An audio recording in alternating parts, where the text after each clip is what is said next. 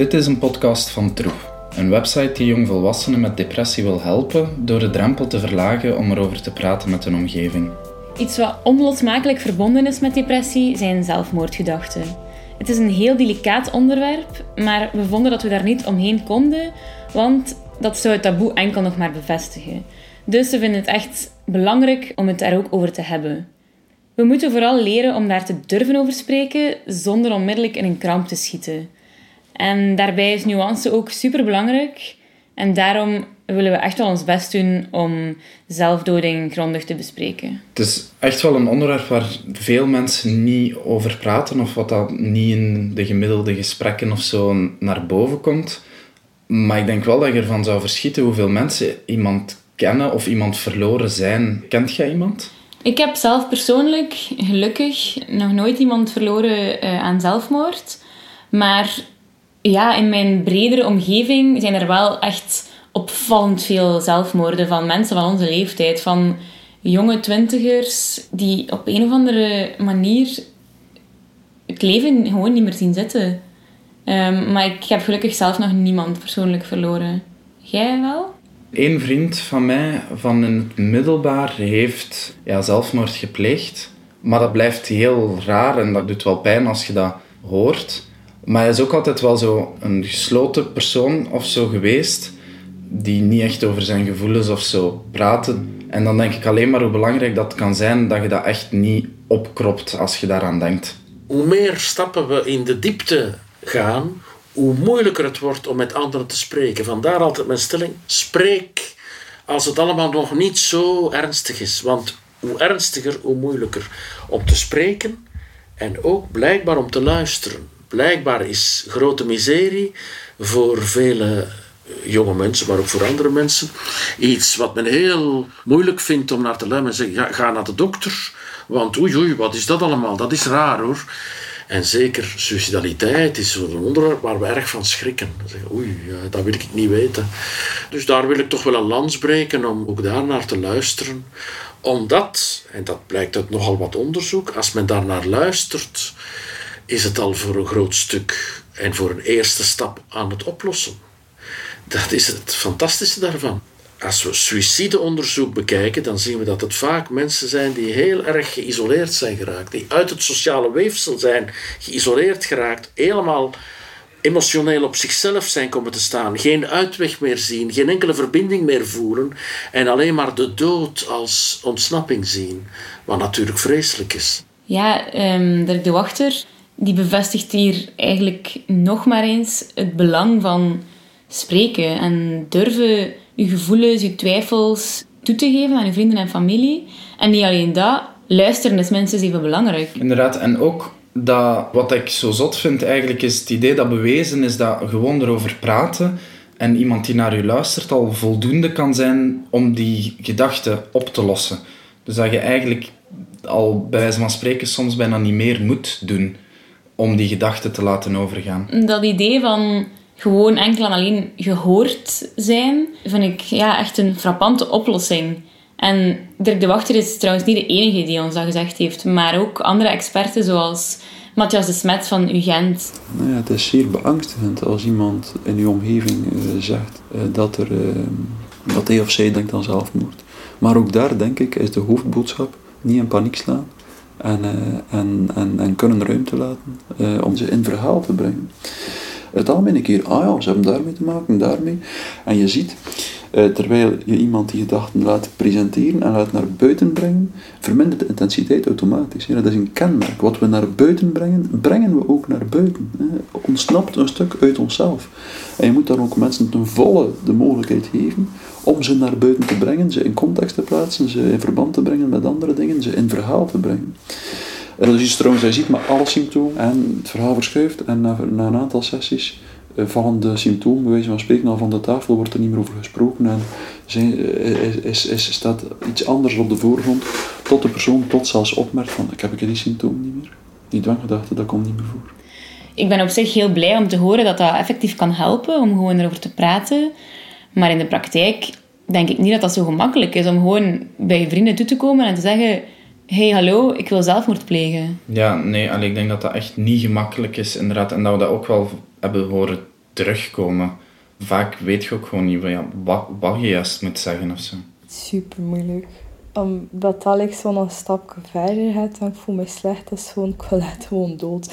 En allee, dat wil je like, niet zeggen aan je vriend, want niemand wil dat horen van iemand, denk ik. Dus, ja. ik had het dan achteraf ook verteld aan, Sarah, ja, het ging echt niet goed. En ze zei, maar ja, je moet mij toch bellen als het niet goed is. En ja, ik weet het ook wel. En ik was daar ook aan aan het denken. Maar ik dacht, ja, wat moet ik zeggen? Of wat moet ik bellen? Allee, dat, ah, ik vind het echt moeilijk. Ik kan dat niet. Het is niet gemakkelijk om erover te praten. Soms gaat het zelfs helemaal niet. Maar dat mag niet de reden zijn om geen actie te ondernemen. Of gewoon niks te doen als je weet van jezelf dat je zelfmoordgedachten hebt. Ik denk ook dat Stefan Klaas ons daar een goed voorbeeld van heeft gegeven van het opstellen van een safe plan bijvoorbeeld. Als je weet dat die gedachten terug naar boven komen of als je terug echt een donker moment hebt. Ja, en daarbij hoef je niet per se de grote woorden te gebruiken van zelfmoord of ik kan het niet meer aan. Maar gewoon voor jezelf iets, iets kiezen, een soort van actie of zo. Dat je weet van oké, ik voel het komen ik moet nu dat en dat doen. En dat, Stefan Klaas heeft dat mooi uitgelegd. Dat, dat, hoeft, dat hoeft geen wereldveranderende actie te zijn, maar dat kan gewoon iets kleins zijn van... Oké, ik zoek een vriend op of ik ga ergens anders mijn gedachten verzetten. Ik probeer dan ook meestal een tijdsperspectief te creëren. Zo van, oké, begrijp dat je eigenlijk zegt van... Zoals ik me nu voel, wil ik liever dood. Maar kun je misschien ergens voor jezelf ook voelen dat dat binnen een paar weken anders zou kunnen zijn. Hè? Dat je misschien toch beter zou kunnen gaan voelen en dat die gedachten ook weer... Dat is voor depressieve mensen heel moeilijk om dat, om dat te aanvaarden. Maar soms lukt dat wel een beetje om dan te zeggen, oké, okay, wij beseffen dat je eigenlijk dood wilt, maar dat nu de moment niet is. Hè? Dat we daar toch nog samen... En dat is al een beetje gerustgesteld natuurlijk. Hè? Ik denk dat je toch altijd moet dan ook verder gaan. Maar dan ook weer iets meer voor de hulpverlening. Maar in het soort maken van een veiligheidsplan met je patiënt waarin dat je echt gaat bespreken van kijk, als die zwarte gedachten opkomen en je voelt bij jezelf dat dat zich opdringt, wat kun je dan doen? Met wie kun je spreken? En dat kan met een vriend zijn, hè, in eerste instantie. En soms zeggen mensen, ja, ik bel dan een vriend op en ik moet zelfs met je vriend niet over suïcide spreken, maar gewoon het feit dat je iemand hebt waarmee kan praten over van alles nog wat, helpt mij. Als dat niet helpt, is fase 2 misschien toch iemand van je eigen familie die je vertrouwt, echt zeggen van het gaat niet. Ik, ik ben onveilig, ik voel mij onveilig rond suïcide. Als dat niet gaat, is er dan de hulpverlening die als derde stap en zo. Maar er bestaan heel mooie uh, schablonen, documenten van veiligheidsplannen, die men samen met de cliënt kan doorlopen. En dan krijg je ook een ander soort beschouwing toch van suïcide, waar je dat niet meer ziet als iets onvermijdelijks, zo, maar als een symptoom van de ziekte waar je samen naar op zoek gaat. Dus kijk, dat is symptoom van de ziekte, die zwarte gedachten. Die gaan voorbij gaan als de ziekte voorbij gaat. Maar wij gaan wel proberen intussen samen te zoeken naar manieren om jou daar veilig door te helpen. En dat er geen ongelukken gebeuren.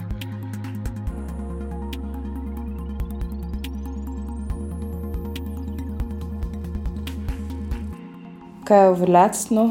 Um, ik was echt... Ik was ook weer echt niet goed. Ik was alleen thuis. En dan durf ik zelfs geen sigaretten roken in mijn ruit, omdat ik bang ben dat ik er ga uitspringen. Dus dan rook ik niet en doe ik al mijn gordijn dicht. Maar ik heb dat nu ook al zo'n paar keer gehad, dat het echt niet goed ging. En ik voel dat ik wel wat aankomen of zo. En dan denk ik, oké, let op, hè. Het gaat er gaan zijn en dan kan je weer niks meer doen. Dan ga je niet meer denken. En oké, oké, fuck. En dan, ik ging overval mij dat zo. En dan denk ik, oké, ik moet echt iets doen, want ik wil echt niet meer leven. Ik moet echt verdwijnen. Ik wil echt weg. Ik moet echt gedaan zijn.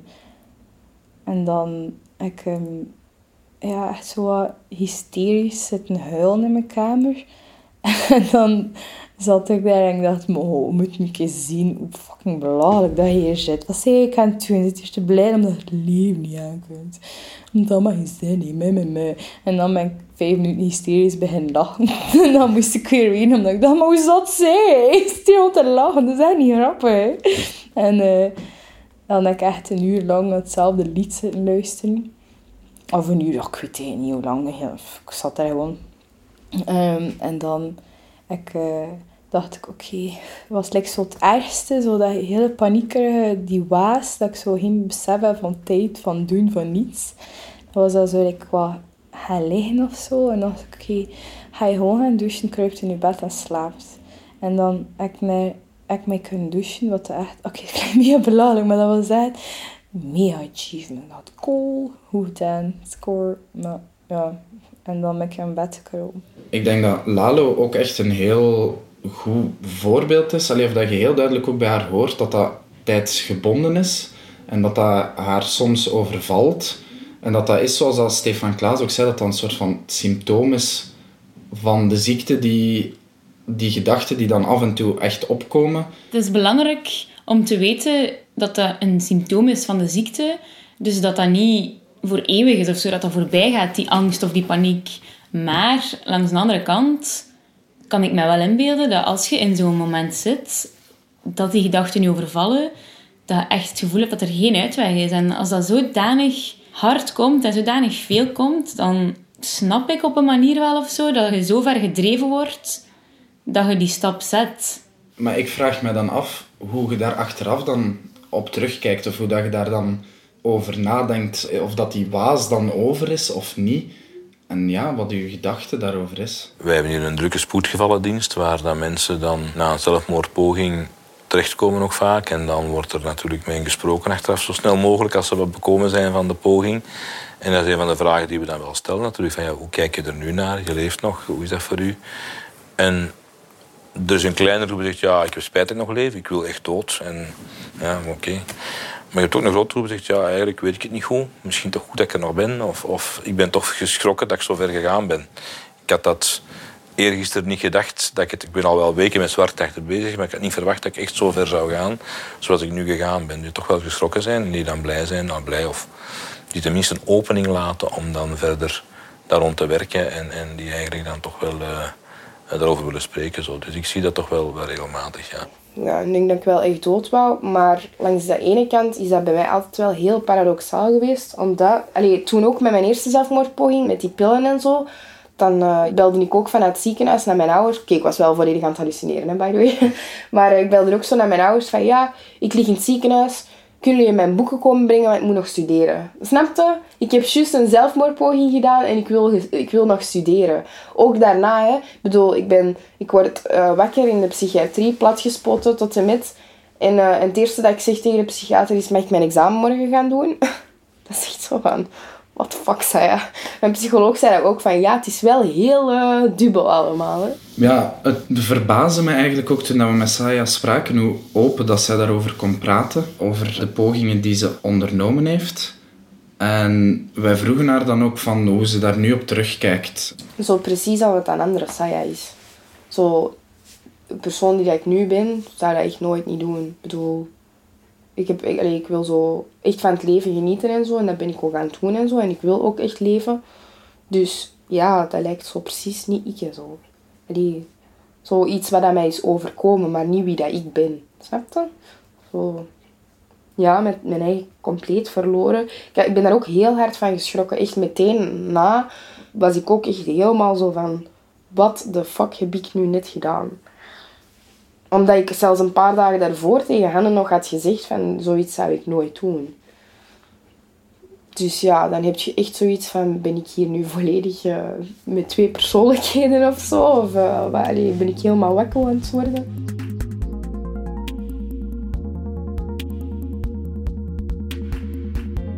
Die jonge mensen in mijn, in, waarvan ik hoorde dat ze zelfmoord hadden gepleegd, dat die omgeving heel vaak echt zo uit de lucht kwam vallen. En dat die echt geschokt waren, dat die dan niet hadden zien aankomen. En dan vraag ik me af, als je dan zo'n poging overleeft, hoe is dat dan daarna, die verhouding met je omgeving? Ik denk, de, die vriend van mij die uh, zelfmoord gepleegd heeft, niemand zag dat daar ook echt aankomen of zo. Iedereen was inderdaad ook geschokt en dat kwam dan op de Facebookgroep van het oude middelbaar en dat hakt echt wel in op je omgeving. En ik denk dat dat ook echt niet makkelijk is om daarmee om te gaan. Ja, en zoals daarnet al duidelijk werd, kan Saya heel open praten over haar verschillende pogingen. Dat was toch telkens best wel zwaar voor haar omgeving. Dat gaf ze zelf ook wel toe. En wij hadden ook een gesprek met haar en dan Hanne, een van haar beste vriendinnen, die ons ook vertelde hoe dat was op dat moment om dat mee te maken en te horen te krijgen um, dat Saya dat geprobeerd had. Dat was wel een enorme shock. En dan voelde ik mij wel heel slecht daarover. Vooral ook omdat ik, ja, ik had je dan nog gezien die week. En je zei ook oprecht van, hè, dat je ervoor wil gaan voor je leven en dat je nooit zoiets zou doen, hè, zo ergens tegenrijden. En dan was dat toch gebeurd.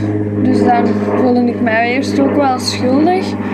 Dat ik dacht van dat ik niet meer kunnen doen. Want ik heb u nog gezien en had ik dat niet moeten merken. En, en dat was echt een heel moeilijk gevoel, wel dat machteloos gevoel. En van, oh nee, straks ga ik Saya nog echt kwijtgeraken. En, maar ik heb daar dan ook wel met mensen over gepraat om, eh, om in te zien dat, dat ik daar niks... Dat was helemaal mijn schuld niet, hè. dat denk ik nu ook niet meer. En maar het gevoel van u zo hè, langzaamaan hè, van zo'n heel krachtige vrouw, hè, zo zag ik u echt. En zo zie ik u ook nog altijd, trouwens, dat is heel belangrijk. Hè. Maar om u dan zo hè, langzaamaan zo te zien van dat er vooral nog verdriet en angst overbleef, dat vond ik dan zo jammer, omdat ik ook vond dat je dat helemaal niet verdiende. Niemand verdient dat natuurlijk, maar ik vond ook, ja, je hebt al zo'n moeilijke periode gehad en je bent er al zo goed mee omgegaan. En waarom moet ze dat nu dan ook nog meemaken? Oh. En ik wou gewoon dat je gelukkig komt. Oh.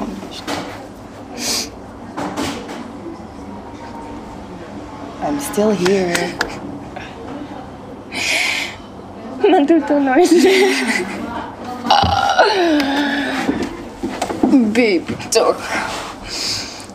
Ja, en dat was ook wel moeilijk natuurlijk, wat ik u ook niet opzadelen. Dat ik me daar wel slecht over voelde. Want dat is ook niet uw schuld, hè. Je hebt dat ook niet gedaan om, om andere mensen verdriet te doen, maar ik vond dat gewoon moeilijk. Omdat ik u wel graag zie en uiteraard. Maar goed, gelukkig is het dan toch beter gegaan en ik hoop als het nu terug slecht gaat, dat je het gaat zeggen en dat wij allemaal kunnen klaarstaan om u te helpen. Maar ik heb toen, allee, toen ook wel ingezien inderdaad van, goh ja, deze is misschien toch wel een teken van... eh, ik, ik, ik ben niet gelovig of zo, maar dat dacht ik nu wel van... Allee, dat is hier echt wel een teken dat het niet mijn tijd is om te gaan en dat ik er iets van moet maken. En kom aan, we gaan ervoor. En ik ga niet zeggen dat ik dan vanaf direct, allee, direct vanaf dat, dat inzicht zoiets had van, ah ja, nu voel ik mij super en zo. Er zijn nog extreem moeilijke momenten Ja. geweest daarna. Extreem moeilijk, maar ja, ik heb wel niet terug opgegeven, zou ik maar zeggen. Ik kan mij moeilijk voorstellen dat je echt ervan overtuigd bent dat het beter is als je er niet bent. Dat je beeld zo nauw wordt en dat je, dat je niet meer kunt denken aan je vrienden en je familie. Dat je echt ervan overtuigd bent van... Het is beter als ik er niet ben en niemand gaat mij missen. Allee, ik vraag me dan af wat dat er in je omgaat op dat moment. Waar denk je aan?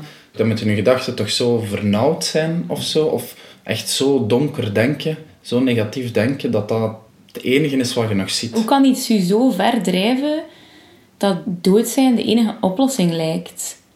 Met die vragen zijn we naar Stefan Klaas gegaan en hij had er wel een verhelderend antwoord op. Ik vind het altijd bijna bevreemdend als je met zwaar depressieve mensen spreekt, hoe zij daarover spreken, over dood willen zijn, als eigenlijk de beste oplossing zo. En de beste oplossing voor jezelf, maar ook voor je omgeving. Hè. Soms denken van mijn familie, mijn vrouw, mijn kinderen, ze gaan beter af zijn als ik dood ben. Zo. En dat is een heel bizarre gedachte eigenlijk, hè, want dat is natuurlijk nooit, nooit zo dat familie opgelucht is. Familie is altijd erg getraumatiseerd en zo. Maar, maar zij denken dat echt zo. Dat is bijna een soort bewustzijnsvernauwing, waardoor ze dat, nog maar dat kunnen zien als de oplossing. Zo. En dat zijn vooral die mensen waar natuurlijk dan erg ongerust over zijn. We zijn ook met Lorenzo gaan praten. Hij is een jongen die chronisch depressief is, wat de situatie voor hem eigenlijk nog moeilijker maakt. Ehm, en hij heeft ook al eh, drie keer zelfmoord proberen plegen. En dat zorgt toch eigenlijk ook wel voor een moeilijke situatie met zijn familie. Maar we hebben toch ook gezien dat hij daar samen met zijn vader echt wel over kan spreken. En dat zij daar samen eigenlijk proberen door te komen. En dat zijn papa eigenlijk ook hem wel probeert te begrijpen waarom dat hij dat gedaan heeft. En ja, wij lieten hem daar samen eh, ook even over praten. Kun je het een plaats geven of begrijpen dat ik die zelfmoordpoging gedaan heb? Ja.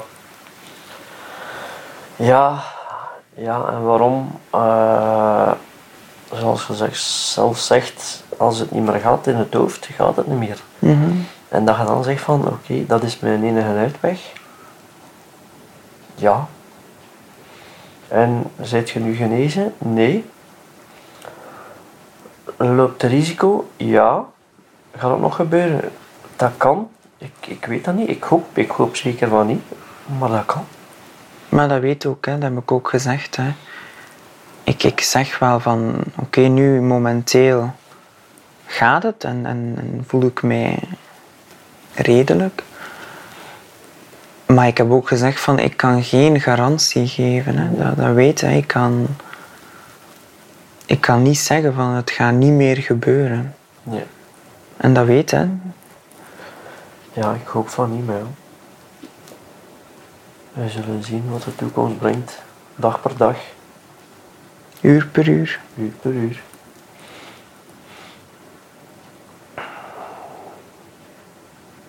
En we zien waar we landen. Voilà. Op het gemak. Hè. Op het gemak. Stuk per stuk, dag per dag, uur per uur. Meer kunnen we niet. Meer gaat niet. Ja. Vind het wel verwonderlijk ja, hoe open dat Lorenzo en zijn papa daar kunnen over praten. En ik denk dat dat ook wel een grote houvast is voor Lorenzo. Dat hij daar zo thuis gewoon open kan over zijn. Maar ik denk ook wel dat dat vrij uitzonderlijk is. En dat de meeste gezinnen dat helemaal niet zo op tafel open en bloot kunnen bespreken. En ik denk ook, ja, een groot aandeel daarvan ligt bij ons als samenleving, hoe wij daarmee omgaan. Allee, ik denk ook wel echt dat Lorenzo daar geluk heeft dat hij in zo'n warm nest eigenlijk zit waar daarover gesproken kan worden. Want allee, ik merkte ook toen dat wij die podcast, terwijl dat we die wilden maken, dat we ook niet goed wisten van welke boodschap moet je eigenlijk geven als samenleving bijvoorbeeld. Hoe, hoe gaat je daarmee om? Je kunt dat langs de ene kant niet negeren, maar langs de andere kant mocht je ook niet zomaar doen alsof dat, dat iets doodnormaal is of zo. Of zo doen alsof dat, dat een fait divers is, want dat is wel nog steeds echt iets heel belangrijk. Ehm, en die vraag stelden we dan eigenlijk ook aan Matthias de Smet van de UGent. Je moet dat genuanceerd bekijken, denk ik. Aan de ene kant, als maatschappij, moet je kunnen de boodschap geven dat zoiets menselijk is. Dat het leven lastig is hè, op een moment. En in dat opzicht is het ook niet raar dat men soms het van te lijden aan het leven zelf. Hè, dat men zegt van verdorie, ik zou er soms wel vanaf zijn. Dat is zeker niet raar. Toch ook op een bepaalde manier een bepaalde afkeuring uitspreken voor de daad zelf. Zeggen van, eh, we moeten als maatschappij kiezen voor het leven. En net zoals dat je als therapeut eigenlijk ook fundamenteel kiest voor het leven. Ik denk ook dat als maatschappij, op dat punt, je moet er geen taboe van maken en je moet tonen van het, is, hoort bij mens zijn, maar toch ook eh, echt een zeggen van, je moet erover spreken. Je moet er ergens over gaan spreken in plaats van het te doen. Dat is, dat is zeker iets, een, een- boodschap die je als maatschappij moet geven, denk ik. Ja, als samenleving, hoe we ermee omgaan, is inderdaad een dunne lijn. We mogen het niet veroordelen, we mogen het niet aanmoedigen. Dat is iets delicaat, maar kunnen we dan concreet ook iets doen? De zelfmoordlijn bestaat natuurlijk. Die is er wel, waar dat mensen dan naartoe kunnen bellen. Dat is ook wel nummer dat iedereen kent of wat dat op televisie altijd getoond wordt wanneer er iets in verband met zelfmoord op televisie komt. Ik denk dat dat ook wel goede dingen zijn, maar is dat dan voldoende? Dat is ook wat dat Matthias de Smet Ja. ons vertelde. Hij heeft toch wel een iets andere visie van hoe de zelfmoordlijn zou verbeterd kunnen worden, zodat wij als samenleving ook echt betere hulp kunnen bieden aan mensen met donkere gedachten. Tuurlijk, ze zouden moeten zeggen van, "Ah, we gaan samen zoeken. Hè. Dus, eh, ik heb hier mijn computer bij mij. Eh, ik zou eens een keer kijken in welke sec, in welke regio, wat denkt je? Je zou, zouden ook moeten een soort idee van, er zijn verschillende vormen van psychotherapie. En de ene persoon voelt zich beter bij de ene vorm van therapie dan de andere. Ze zouden moeten ook een inleidend een aantal vragen stellen van kijk, wat denkt je? Deze vragen zouden in een examenstukje moeten overlopen en dan helpen van eh, we gaan nu eh, in die regio, zullen misschien, is er daar een adres? Zouden moeten op wijzen van probeer dan een keer. Als je daar geen klik voelt, bel gerust terug. We gaan iemand anders zoeken, want het is belangrijk dat je een beetje van een klik voelt. Zo'n dingen zouden moeten standaard gedaan worden bij een hulplijn. Dat zouden moeten van de beste therapeuten zijn die daar zitten, of van de beste mensen die dat zeer goed kunnen, van de beste, en ze moeten zeer goed ontwikkeld worden. En dat zou een schitterend iets zijn als je dat probeert te doen. Als je daar een bijdraagt om er op de kaart te zetten. Voor mij een van de belangrijkste dingen die ik bijgeleerd heb, is dat zelfmoordgedachten een symptoom zijn van depressie. En als je daarmee te maken krijgt, dat je moet beseffen dat dat ook overgaat. Oké, dat kan echt heel erg zwaar zijn en echt al je hoop ontnemen, maar het is belangrijk om te blijven beseffen dat het gaat overgaan als je ziekte beter gaat. Ik denk ook dat het idee van zo'n safe plan te maken, vind ik echt wel heel interessant. Omdat je dat denk ik ook... Het is altijd beter om dat te doen met een psycholoog. Maar zelfs misschien als die stap te groot is, dat je ook al zelf eens begint na te denken van... Ah ja, ik weet dat die gevoelens gaan komen. Wat kan ik doen om dat op te lossen? Dat je dat bij jezelf ook al eens in vraag gaat stellen. Van misschien kan ik iemand bellen of misschien kan ik bij iemand gaan. Of ik merk dat ik dat alleen maar heb als ik alleen ben. Dus dat je zorgt dat je niet alleen bent. Dat kan misschien wel echt al helpen. Ja, bovenal moeten we erover praten. Als je denkt aan zelfmoord, als je het gevoel hebt dat het niet meer gaat. Het is effectief bewezen dat, dat het helpt om, om er gewoon over te praten. En, En ik denk dat je omgeving daar echt heel belangrijk in Ja. is. En dat je ook wel gaat zien dat die voor je klaar gaan staan. En dat die achteraf, allee, dat die altijd geschokt zijn als zoiets gebeurt. En dat je daar misschien zelfs wel van zou verschieten van hoeveel mensen dat er om je geven als je zoiets zou doen. Maar dat je dat gewoon op dat moment niet door hebt.